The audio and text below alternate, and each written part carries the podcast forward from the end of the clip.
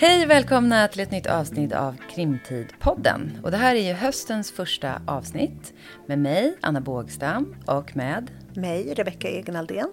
Tjoho! Kul! kul! Ja, kul att vara igång. Nu startar vi igen. Ja.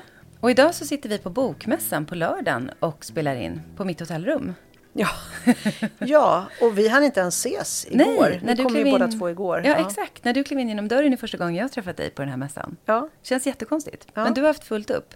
Nej, men det är jag inte haft så jättemycket egentligen. Men jag, har haft, jag är här för att ja, prata om min bok framförallt. Min ja. nya bok som kommer i juni. Det brukar ju vara så. Ja, eh, så det gjorde jag några gånger igår. Just det, ja. det såg jag. Mm, och du? Ja, men jag är också här för att prata om hemligheten. Just det, för det har ju vi sen i våras har ju både du och jag släppt varsin bok. Ja. Du har släppt Svarta segel, jag har släppt det. Hemligheten. Så de är vi ju här med. Mm. Men, men sen så är vi ju också, för jag tänker till lite temat för avsnittet som vi ska prata om idag. Som är, vad är väl att vinna ett pris? Ja. Eh, och då tänker jag, för det är ju också därför vi är här, för Crime Time. Och Crime Time Awards som kommer att avgöras idag.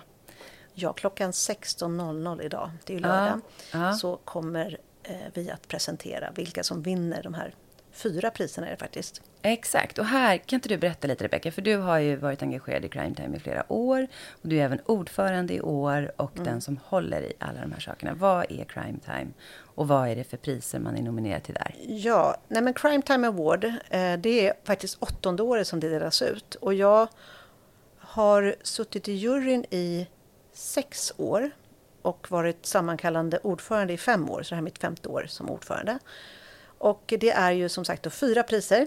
Ehm, och egentligen har jag bara med tre av de här priserna att göra och det är de som har eh, jurygrupper.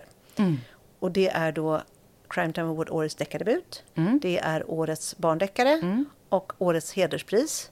Just och sen det. finns det ett annat pris som vi också ska dela ut i, idag klockan fyra och det är Bookbeats pris till Årets deckarförfattare. Just det. Eh, och det priset är helt datadrivet.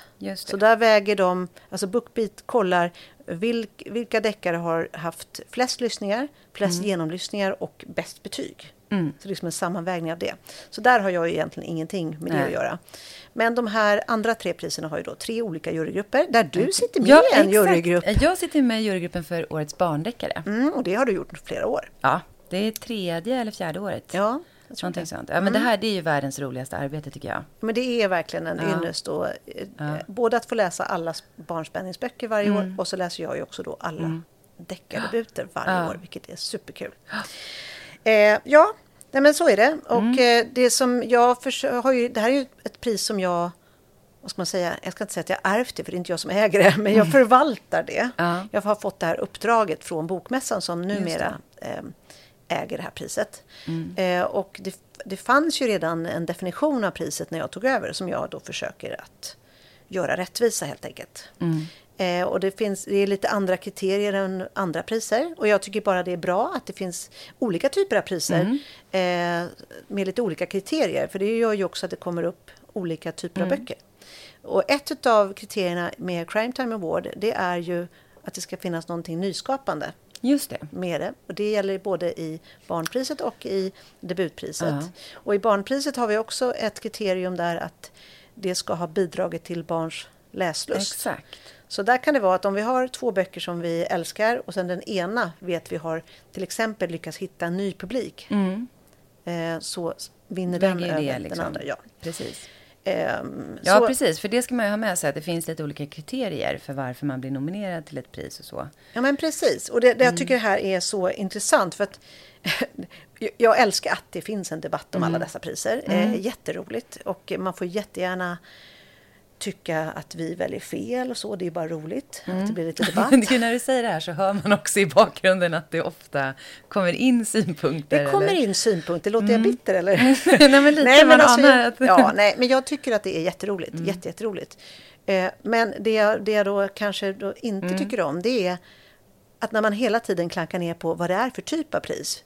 Jag mm. tänker att det är bra att det finns massa olika priser. Ja, just det. För någonstans så bidrar ju priserna till att, att rikta strålkastarljuset mot böcker och mot läsning mm. och mot olika författare. Och ju fler mm. olika priser det finns, desto fler hamnar ju i det här mm. strålkastarljuset mm. och fler läsare lockar vi också. Mm. Eh, ja, vi har ju liksom Augustpriset, det, det ja. ser ut på ett visst sätt. Vi har Svenska Deckarakademin som består av riktiga deckarexperter. De har ju sitt pris som jag tycker är, det är superspännande att höra vad de väljer Årets varje år. Bok. Årets bok har vi, där är då att man röstar. Eh, vi har alla de här Storytel Award och vi har mm. eh, ja, massa olika priser. Ja. Eh, och så har vi Bookbeats då, pris det här som är då datadrivet.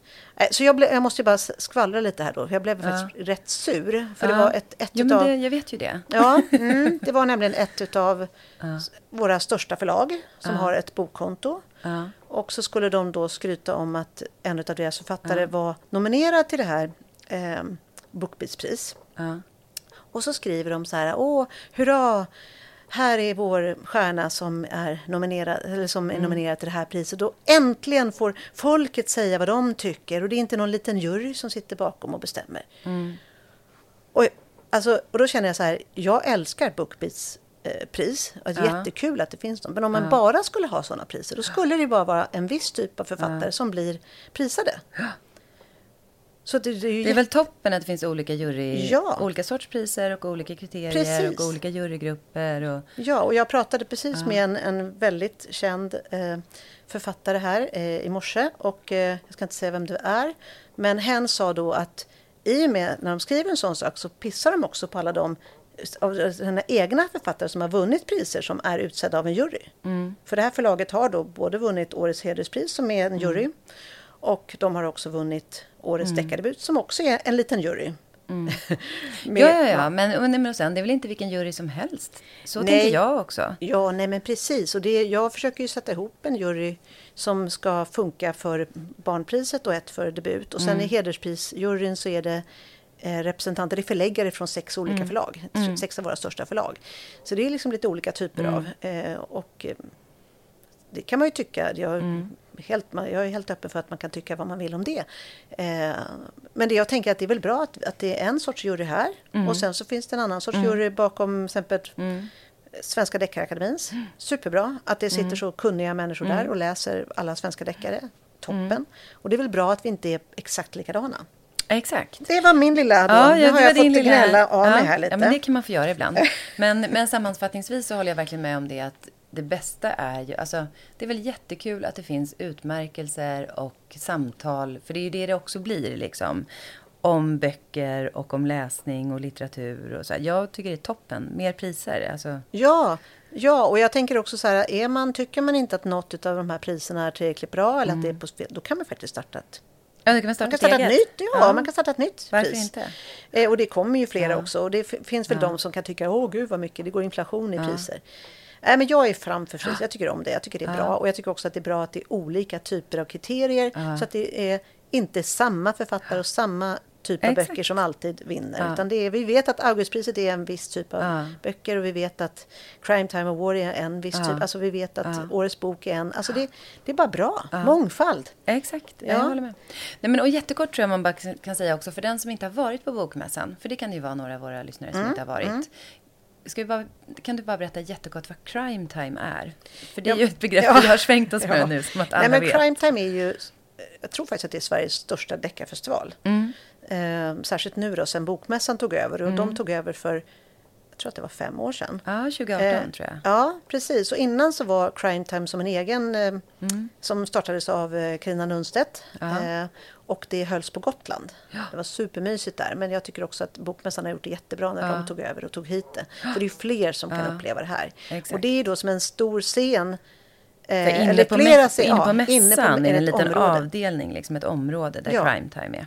Precis, där liksom spänner, ja. fokus på spänningsförfattare. Och mm. sen har de alltid så här roliga inslag. Alltså ja. I år så har de den här lögndetektortestet. Ja, den är helt... Har du varit i den? Nej, jag har inte gjort det. Nej, har du gjort det? Nej, gud, jag ja, får det panik. Måste, det måste man ju testa. Ja, jag vet, man måste det. Men jag, jag blev nervös bara jag hörde om det.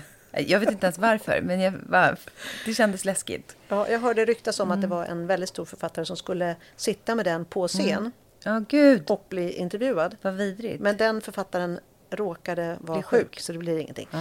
Men eh, ja. det var annars, annars en ganska kul grej. Ja, ja verkligen. Ja. Nej, men det är ett roligt inslag. Ja. Och Nej, sen men... är det då en viktig punkt då på mm. på den här Crime Time-festivalen. Och det är ju då utdelningen mm. av Crime Time Award. Det brukar Exakt. vara väldigt välbesökt och det är mm. då klockan fyra idag. Mm. Och det mm. är jag och Josefin Sundström ja. som delar ut det priset då. Så. Exakt. Då får vi veta vilka som har vunnit. Ja, men exakt. Mm. Ja, men, och då tycker jag, då kommer man ju tillbaka lite till också dagens tema. Så här, vad är väl ett pris på crime time. Liksom. För jag hur tänker, viktigt här, är det? Hur viktigt är det för ja. en? Det roliga är att och... både du och jag har ju faktiskt varit nominerade. Ja, exakt. Men vi vann inte. Nej, just det.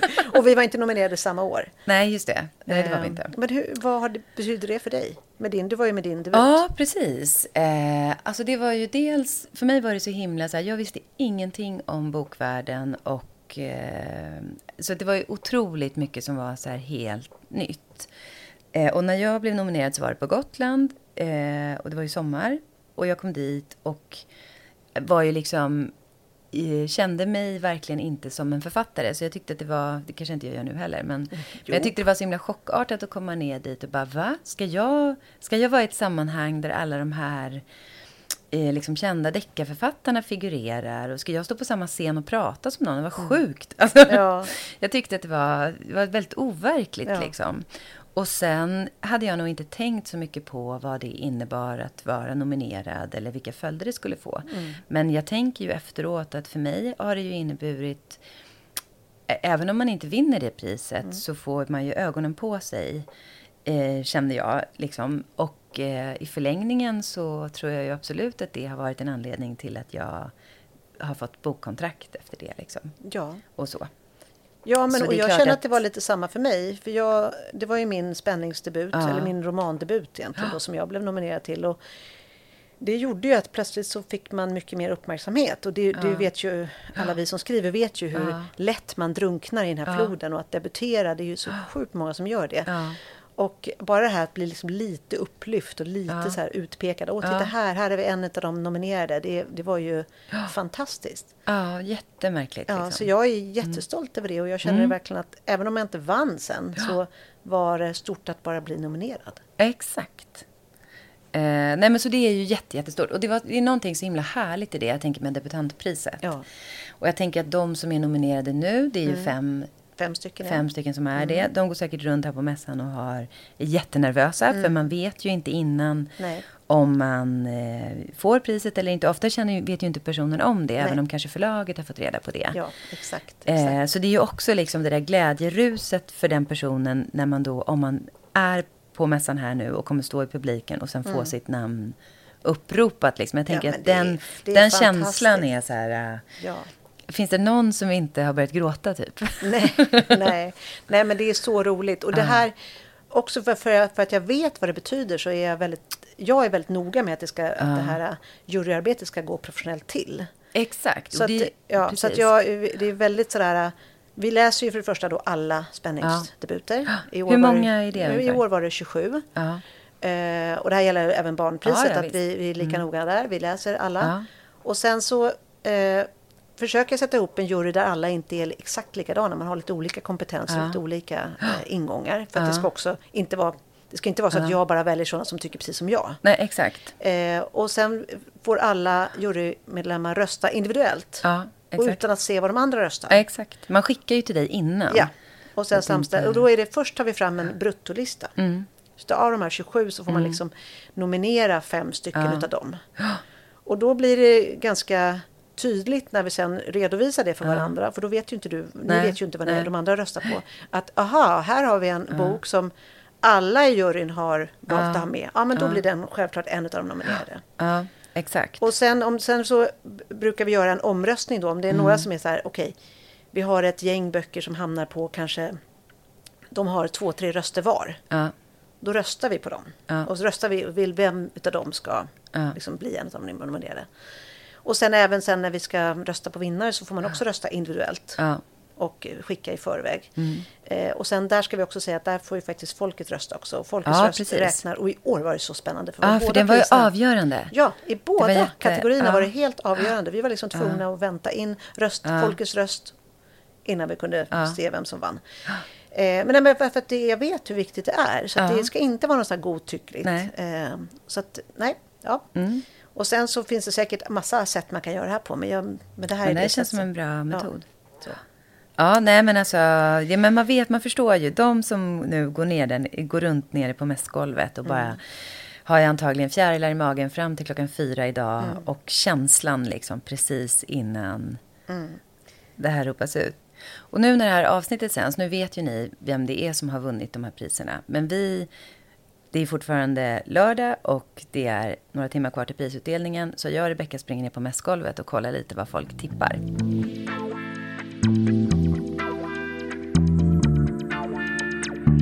Och nu är jag nere på mässgolvet igen och har hittat Eva Boström. Och Eva, vem tror du kommer vinna årets deckardebut?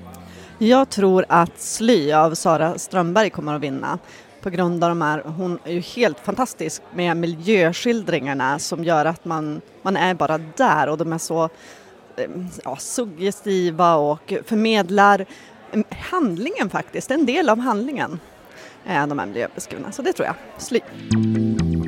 Jag har hittat Lina Bengtsdotter och då frågar jag dig Lina, vem tror du vinner årets deckardebut i år? Eh, jag tror och hoppas att det blir Viktor Pavek Lundberg. Eh, han är också från mina hemtrakter så att det, ja, det skulle vara jättekul om han vann. Stina Flodén, vem tror du vinner årets deckardebut?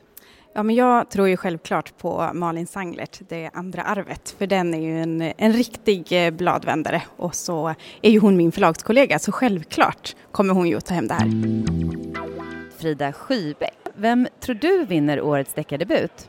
Åh, oh, hej! Ja, det är ju svårt alltid att säga om sånt här. Jag skulle ju tippa på att det antingen blir Sly eh, av Sara Strömberg eller eh, Sarek va? Eh, av eh, Ulf Kvensler, just det. Jag gissar på någon av dem, men jag skulle också vilja säga att jag tycker det har varit roligt om Malin Sangler som har skrivit Det andra arvet uppmärksammas för, för att hon är en gammal Författarpodden-lyssnare. Hon har följt min podd och blivit inspirerad att skriva av den. Så jag hejar lite på henne.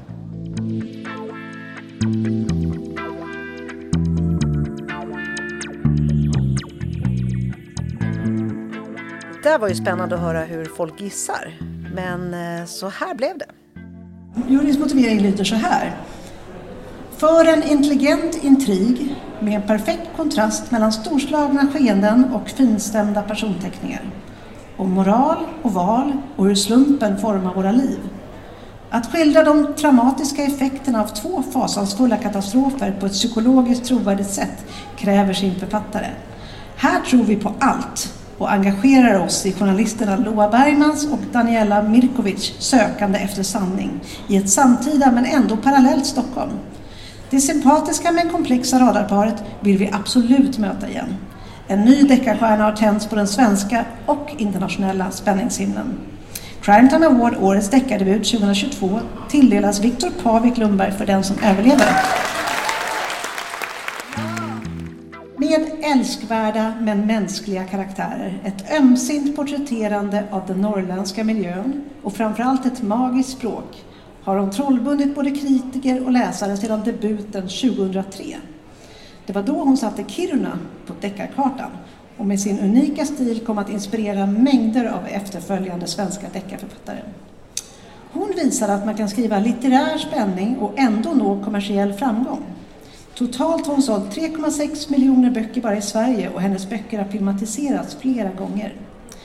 Redan från början regnade priserna över henne. Debuten utsågs till årets deckardebut och redan året efter prisades uppföljaren som årets kriminalroman av Svenska Deckarakademin. Och så har det fortsatt, både i Sverige och internationellt. För den här författaren är såld till ett 30-tal länder och räknas som en av de främsta representanterna för det skandinaviska deckarundret. Många deckarläsare väntade tålmodigt på den sista delen om juristen Rebecka Martinsson som äntligen kom förra året. Den blev en direkt försäljningssuccé och belönades med priset Årets kriminalroman. Hon är även en av författarna bakom Pax, en av de absolut mest populära barnbokserierna i modern tid, som lockat mängder av barn till läsning. Tack för alla läsupplevelser! Crime Time Award, Årets hederspris, tilldelas Åsa Larsson.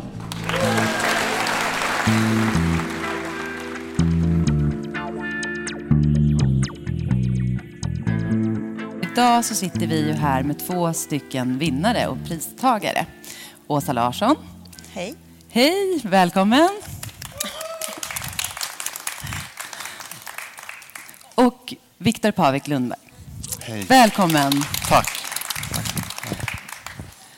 Det känns ju så himla roligt att få sitta här med er idag och göra det här specialavsnittet som handlar om att vinna priser och så. Men jag tänkte börja med att fråga er, hur kändes det igår när ni fick reda på att Ja, du fick reda på det igår, Åsa, du hade ju vetat lite innan. Men hur kändes det igår när ni gick upp på scenen och skulle ta emot priset?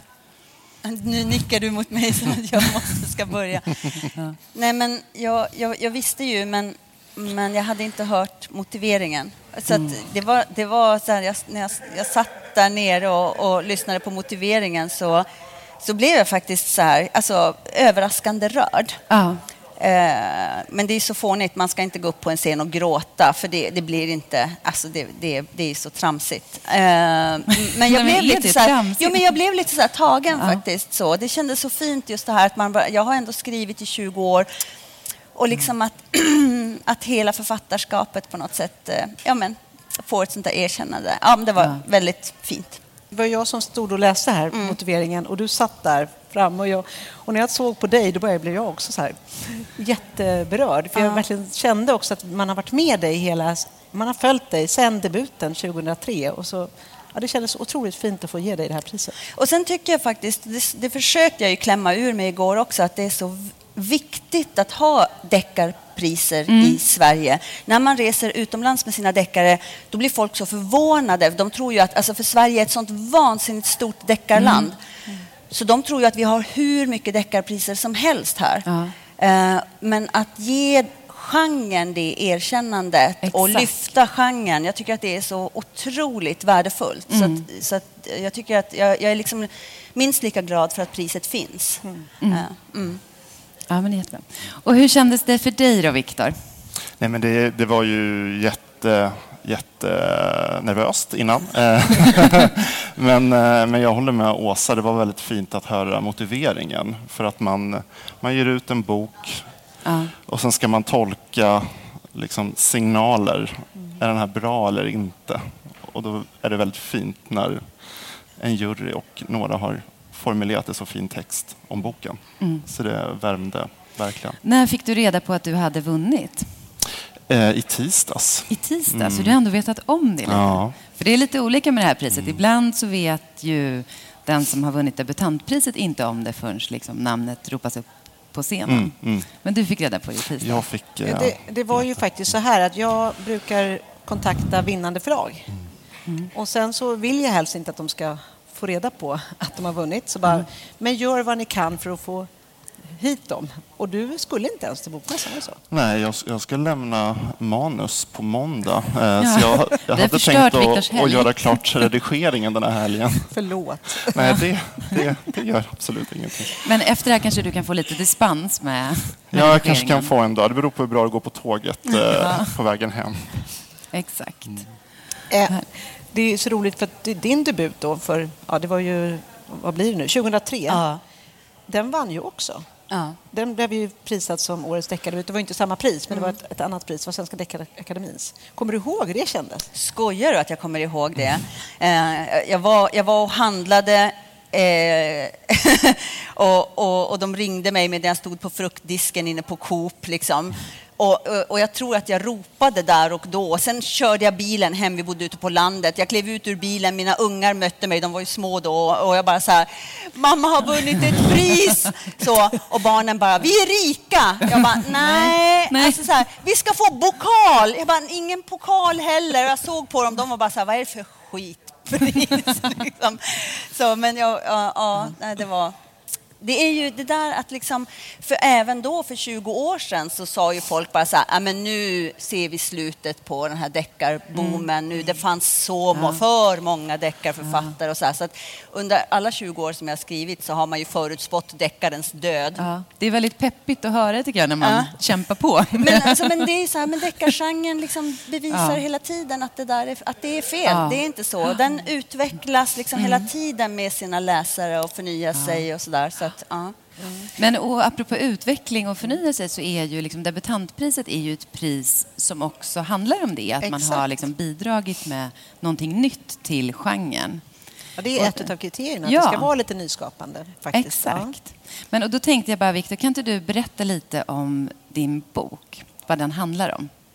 Ja, men boken eh, handlar ju om en journalist som eh, ska återvända till eh, jobbet. Han har varit sjukskriven en längre tid. Mm. Och när han återvänder till den här kvällstidningen som han har jobbat på så får han i uppdrag av sin chef att titta närmare på en årsdag som närmar sig. Det är snart 20 år sedan en, en flygplanskrasch inträffade mitt i Stockholm. Ja, det är väldigt otäckt att läsa om. Ja, det, det är, jag, jag, får mycket sms från människor som är väldigt rädda när de befinner sig på Medborgarplatsen ja. nu för tiden. Eh, planet kraschar på Medborgarplatsen nämligen. Mm. Eh, så han, och han har också varit med om någonting som liksom ligger mer i, i närtid som, som har liksom beröringspunkter. Eh, och sen, eh, så han ska titta på, det här, på det här, eh, den här händelsen och se vad tidningen skrev om tidigare och vilka människor som förekom, vilka överlevare och liksom anhöriga. Mm. Och då ramlar han ju snart över liksom ett spår som, eh, som påminner om mycket av vad han själv har varit med om. Mm. Eh, och det saker och ting kanske inte riktigt stämmer. Nej, exakt. Ja. Man får inte spoila nu. Nej, nej jag ska inte spoila någonting. Men, det är viktigt. Nej. Men, men och hur, hur länge har du liksom den här historien för den känns ju också väldigt, som en väldigt ny liksom, berättelse i genren. Mm. Har du burit på den länge eller när kom det till dig? När tänkte du att du ville skriva den här boken? Nej, men jag tror att, att eh, för när, när jag jobbar på kvällstidning och då, då rapporterar man ju om de här stora katastroferna. Mm. Både de som händer och de som har hänt i olika mm. former. Eh, och det är lätt att liksom lista de här händelserna som mm. har skakat om Sverige. Mm. Estonia-katastrofen och tsunami-katastrofen och 9-11 som berörde hela världen och även mm. mordet på Olof Palme och mordet på Anna Lindh. Drottninggatan, Drottninggatan Utöjas och då mm. på, under Utöja så befann jag mig på Aftonbladet när det hände. Eh, och alla de här liksom eh, händelserna följer liksom ett mönster, mm. även om de är väldigt olika händelser. Först den omedelbara chocken och sen efterspelet eh, och de här människorna som trädde fram och får liksom, mm. eh, bli ett ansikte för, för vad som har hänt. Eh, så idén började liksom där, eh, i, i, att jag har läst mycket om de här händelserna. Mm. Nu ska jag inte spoila någonting, för grundidén tror jag kommer ungefär 200 sidor in i boken. Men, men det, det var mer kärnan kring, kring den här eh, kring temat. Eh, så, så, det var där det började och sen, ja. Mm. Och då bestämde jag mig för att liksom skriva en journalistthriller. Och det, det, det, har ju andra gjort väldigt, väldigt bra. Eh, man kan ju nämna Lisa Marklund och Stig Larsson. Och, eh, så att det kändes som att man också var tvungen att göra någonting annorlunda för ja. att inte... Eh, ja. behöva bli jämförd. För att behöva bli jämförd, exakt. Och lycka till med den. Ja. man blir ju alltid jämförd. Ja, ja, ja. Men det var därför jag ville liksom ha den här liksom, ganska här, kraftfulla dramatiken kring de här händelserna som både huvudpersonen och eh, var med om och eh, den här katastrofen för 20 år sedan. Mm. Mm. Mm. Då måste jag få fråga Åsa, din bok vi var ju så många som väntade på den här sista delen, Rebecka Martinsson-serien, Fädernas missgärningar. Vad är det för bok? Vad var det, du var ju tvungen att sammanfatta liksom, och avsluta hela den här serien. Hur var det? Um, ja, men, um, ja, men det, är, det, det, det kändes vid något skede när jag skrev den boken så kändes det som att jag hade en sån här enorm deg som jäste över bunkens alla kanter. Mm. Så. Ehm, men då hade jag sån tur i i ändå mitt i allt. För min, det var pandemi och min son kom hem från universitetet för att, och, och pluggade hemifrån. Och han är en sån här extremt strukturerad människa. Liksom. Eh, man kliver upp klockan sju, man äter frukost klockan åtta, gröt. Och sen och jobbar man till 8.40, sen tar man mm. paus och sträcker på sig och så här. Och så jobbar man från 9 till 9.40 och sen äter man ett ägg. Och, liksom, och, och då hakade jag på honom bara i hans arbetsrutin. Sådär. Eh, och, kan man hyra in honom? Alltså, ja, det men det kommer bli dyrt. Ja, okay, uh, och då, så då, eh, då blev den så bra när jag faktiskt fick upp eh, hela boken i ett enormt lappsystem på väggen och liksom kunde sortera mm. ut den för den hade fått växa så organiskt. Och det var så många, precis som du säger, jag ville ju avsluta alla mina karaktärers berättelser mm. på något sätt och liksom lämna dem på ett, på ett schysst ställe. Liksom. Så, att, ja, det var en stor bok att skriva. Ja. Var, alltså du har ju släppt jättemånga böcker och de är så hyllade. Var det läskigt att komma med den, med den boken efter rätt många år? Ja. Och, så, och det var ju många som väntade på den. Jätteläskigt var det. Det går liksom den där nervositeten och, och rädslan för att det inte ska landa rätt hos läsare. Det, den går aldrig över, tycker jag. Um, och som ett mantra gick jag, gick jag hem och gläfste högt för mig själv så här, som en galning. Så här bara, jag bryr mig inte, jag bryr mig inte. alltså, jag försökte övertala mig själv. Att det så här, och så brydde man sig jättemycket. Så att jag är otroligt uh, lättad och glad över att den har landat så bra. Ja, och den blev ju direkt prisad och, mm. och en försäljningssuccé. Så ja, stort grattis till den. Ja, Törs man fråga vad som händer nu? Ja, man törs, men man får ju inget svar. Men, men, men, men, nu sitter jag här med tre författare. Ja. Om ni har någon idé som ni inte känner att jag hinner inte, så, här, så bring it ja. on. Liksom, så. Jag den. väntar på att någon historia ska knacka på. Ja. ja. Men det brukar ju göra det när man, när man minst anar det, känner jag. Det är liksom, man får bara bida sin tid på något sätt. Usch vad hemskt. Du låter som någon som ger tips till så folk som inte... Så bara, jag kan aldrig träffa någon. Vad är det för fel på mig? Det, och så här. Man minst bara, du måste bara slappna av. När du slutar ja, bry dig, då kommer ja. han, hon, hen gående. Och, då, så här. och så försöker man att inte bry ja. sig. Det är ju jättesvårt. Och inte, ja. ja, Rebecka, det där hjälpte inte. Nej, jag känner det själv. Men vi vänder på det. Ja. Nu sitter du här med eh, årets deckardebutant. Har du något råd Nej, men jag tänkte precis säga tvärtom. Du nu som har skallen som en popcornkastrull full av idéer. Så här, bara, har du no några råd, några tips? Nej, alltså verkligen inte. Jag känner att det är så konstigt. Ju längre man håller på, ju fler författare man träffar, ju mer inser man att ja, det kan finnas hur många skrivarskolor som helst. Men gud vad olika arbetsprocesserna ser ut. Och hur idéer kommer och hur man förvaltar dem. Och, alltså det är också så här, bara en del, de skriver helt genialiskt medan de krökar. Alltså det, alltså mm. det, det, finns alltså på riktigt inga, mm. alltså ja, whatever works mm. liksom. Mm. Så är det med skrivet. Så är det verkligen. Ja. Och hur, vad händer för dig nu då, Viktor? Ja, men jag ska ju då få ihop det här manuset till mm. imorgon. Mm. Eh, ja, just det. det här lite. Du förlorade ju en helg här nu. Ja, jag förlorade en helg, men jag ligger ganska bra till. Så att det, nu, mm. nu ska den i, till redaktören, så nu blir det ett mm. tröskande hela vintern. Men du sa ju så, så chockartat, tyckte jag, precis när vi träffades nu här eh, innan vi skulle prata att du älskar den här första fasen när man skriver råmanus. Mm. Jag själv avskyr den nämligen. Men, men det är också så olika liksom, vad man gillar. Men det sa du, det är din bästa. Liksom. Ja, men det är så, det, då är allt så lätt och roligt. Man kan bara ta liksom, kreativa mm. vägar och hitta på alla karaktärer och liksom, köra på. Det är nu jag inser att jag har problem med liksom, dagar som hoppar tappar och liksom de här logiska luckorna som man mm. inte märkte då. Ja. Så, så, när man ska sitta och foga det här nu, det är liksom det som är lite tråkigt. Ja, jag förstår. Men bok nummer två då, som du håller på med nu. Mm. Mm. Eh, du, har du haft den storyn också? Kommer det vara liksom i samma på samma tema så att säga? Ja, men den storyn har jag haft längre egentligen. Eh, så den här behöver nog, behövde skrivas. Men, men eh, den, den, den är mer klassisk liksom, ja. kriminalroman. Så det, det är ett, eh, ett cold case eh, i min och då huvudpersonens eh, gamla hemstad Mariestad. Ja.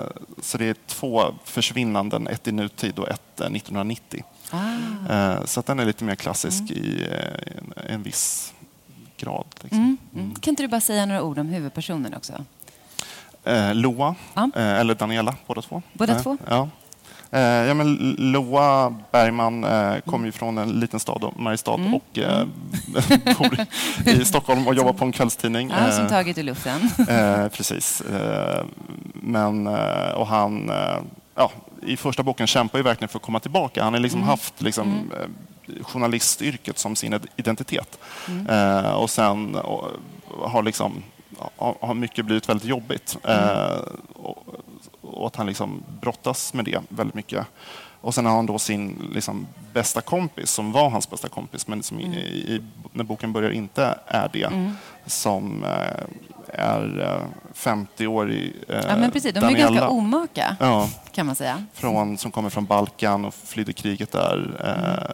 och så, så de är ju väldigt mm. olika. Och det, det, var liksom när de två kom på liksom när jag kom på dem, för jag mm. hade liksom intrigen först och sen när mm. karaktärerna kom, då var det mycket som bara liksom mm. föll på plats mm. eh, för att det var så roligt att ja, men precis, de skriva bra dynamik, om dem. Liksom. Ja, och det kände jag också när andra boken skulle börja skrivas, att det var så skönt att bara placera ut två personer liksom, ja. på ett spelbräde och bara låta dem leva mm. sitt egna liv på, mm. på ett uh, annat sätt än när man börjar skriva första boken. Det ser nästan ut som du kastar en avundsjuk blick nu, Åsa. Nej, men jag tänker på att det där är verkligen så... Uh, att innan, innan man hittar de här personerna mm. som man och känner för och som, som lever sitt eget liksom, liv inuti mm. en så, eh, så, är det, så är det svårt att, att, att skriva. Mm. Så jag känner igen den processen jättemycket. Mm. Att det bygger liksom på karaktärerna ja, ja. och att man hittar deras drivkrafter och vilken historia man vill berätta utifrån dem. Eller man ska säga. Mm, jag är sån som läsare också. Jag, för mig är det mm. jätte, jätteviktigt att att jag, att jag bryr mig om personerna. Jag, mm. Om jag inte gör det, då, då, kan folk skriva hur skickligt eller hur bra eller hur spännande mm. som helst, men då faller det för mig. Så att, mm. ja. Jag håller helt med, jag är också likadan. Mm. Eh, men de behöver inte vara rakt igenom sympatiska för Verkligen det. Utan det kan gärna vara, liksom, de får ha skavanker och de behöver inte vara hjältar på något sätt och så. Man kan heja på dem ändå. Mm. Har precis men, men vad, säger, vad, säger, dina karaktärer när du har avslutat? Fortsätter de leva? Och liksom... Jo, men jag tänker på dem lite grann så här som man tänker på sin avlägsna släkt i Tornedalen. Så att man bara säger, mm. gud, jag undrar vad de, hur, hur det är nu och hur det gick med husbygget. Och, ja, så. Ja. De, de, finns där hela ja, tiden? det tror jag alltid. Rebecka Martinsson gick bredvid mig under de 20 viktigaste åren i mitt liv mm. medan barnen växte upp och bodde hemma och hon följde mig och man, var i, man är i någon sorts konstant dialog med dem, så är det ju. Mm. Och klurar ut sig själv samtidigt som man klurar ut dem. Så att, så att det där, alltså jag tror att eh, alltså, de, de, de, de sätter en speciell prägel på en, man glömmer dem inte. Mm. Men hur känns, då måste jag verkligen fråga, hur känns det när man ser eh, sin egen berättelse då filmatiserad? Hur känns det att se Rebecca Martinsson eh, när en skådespelerska gör Men vet henne? Du, det där var så, jag trodde att det där skulle vara så jobbigt eller problematiskt och sådär. Men, mm. men, men det blev verkligen inte alls så. Alltså, det kändes från början som att jag tänkte så här, jag har skrivit en, en trampolin Mm. Eh, och från den så måste andra kreatörer få ta ett, sitt eget hopp. Mm. Liksom. Och, och, jag tror att det blir otroligt jobbigt för de kreatörerna om de har en författare som hänger över deras axel och har åsikter om det. Mm. Utan att man liksom så här, nu får de, de får göra sin, sin grej. Liksom. Mm. Så att, jag tyckte det var ganska oproblematiskt. Mm. Och roligt. Alltså, de var ju, var ju väldigt duktiga. Det är tre skådisar som har gjort Rebecca ja. Martinsson. De har varit superbra allihop och, och fört med något eget. Liksom. Ja. ja, fint. Mm. Och när tiden börjar rinna ut mm. så jag tackar dig Åsa Larsson och stort grattis igen till det här priset. Och tack till dig Viktor. Stort grattis till dig också.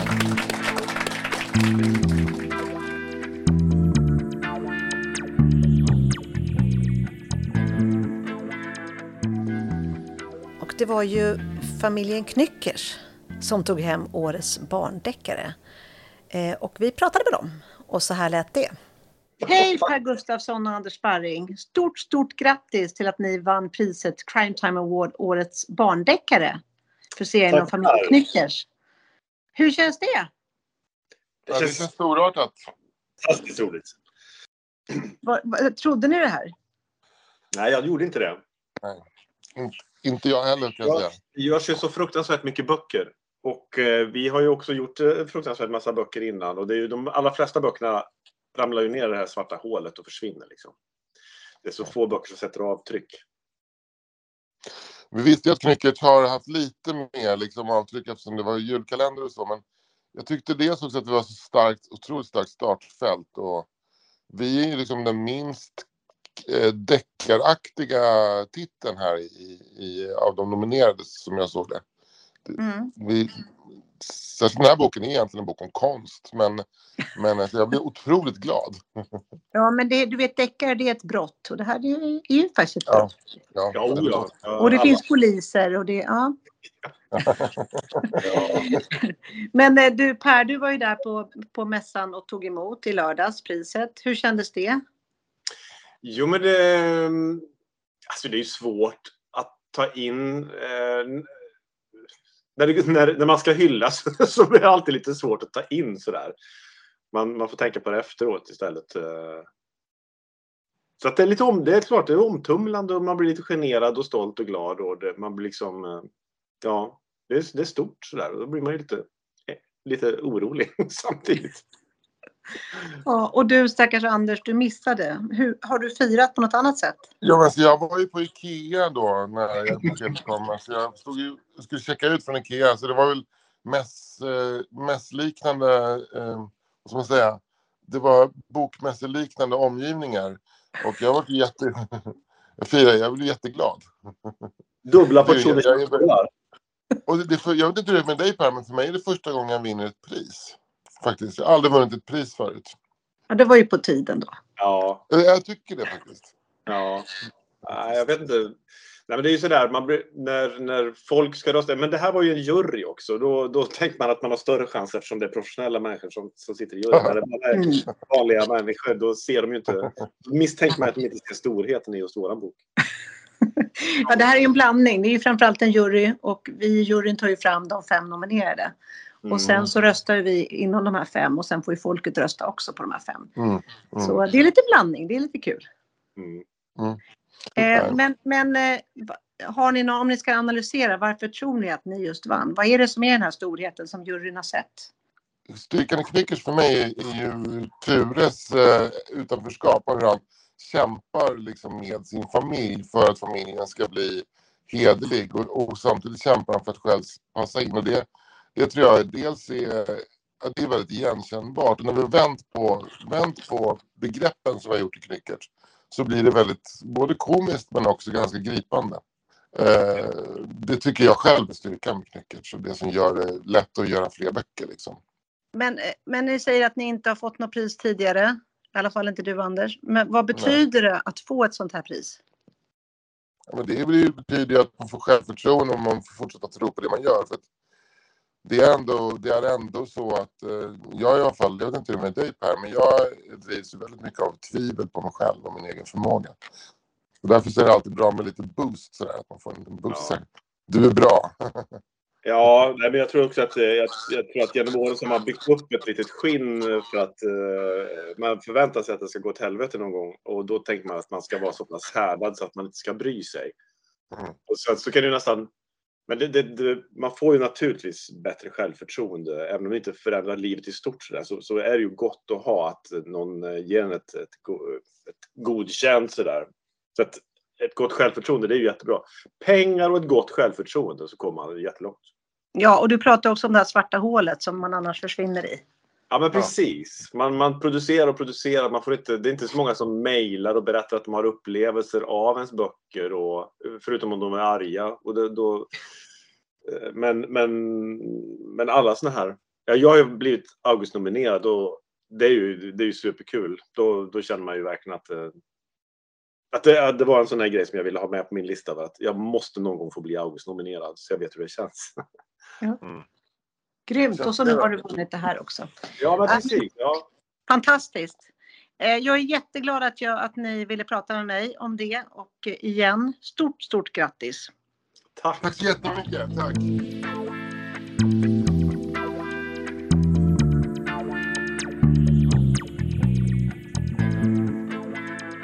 Och vi passade ju också på att prata med några som har erfarenhet från tidigare år av att vara nominerad. Håkan Nesser och du fick ju årets hederspris år 2020 i Crime Time. Hur kändes det? Jag tror det var 2021 men det kan ju diskuteras, eller kanske var 2020. Det kändes bra. Det enda som man funderar på det är jag får flera priser. Nu i år får jag två andra priser och de är så här halvpostuma. Liksom man får lång och trogen tjänst strax innan du ska begravas. Men Crime Time Award kanske även utdelas till yngre människor. Känner du till det? Ja men det gör det, jag känner till det. Ja, men alltså jag är ju naturligtvis hedrad, alltså det är ju folk som läser böckerna och det är väl det som är poängen och till och med tycker om dem, vissa människor. Så att jag är tacksam för ju, ju fler priser jag får desto bättre mår jag för att göra en lång historia kort. Lina Bengtsdotter, och du vann ju Årets deckardebut i Crime Time 2017. Hur kändes det Lina? Eh, jag kommer ihåg att innan så tänkte jag att ja, man kan faktiskt inte tävla i litteratur och jag var väldigt så, ah, eh, men sen när jag vann så blev jag alltså, förvånansvärt glad. Eh, jag tror till och med jag grät, så jag var lite, jag var chockad själv. Det var, det var ganska omtumlande. Eh, men jag blev jätteglad, det betyder jättemycket.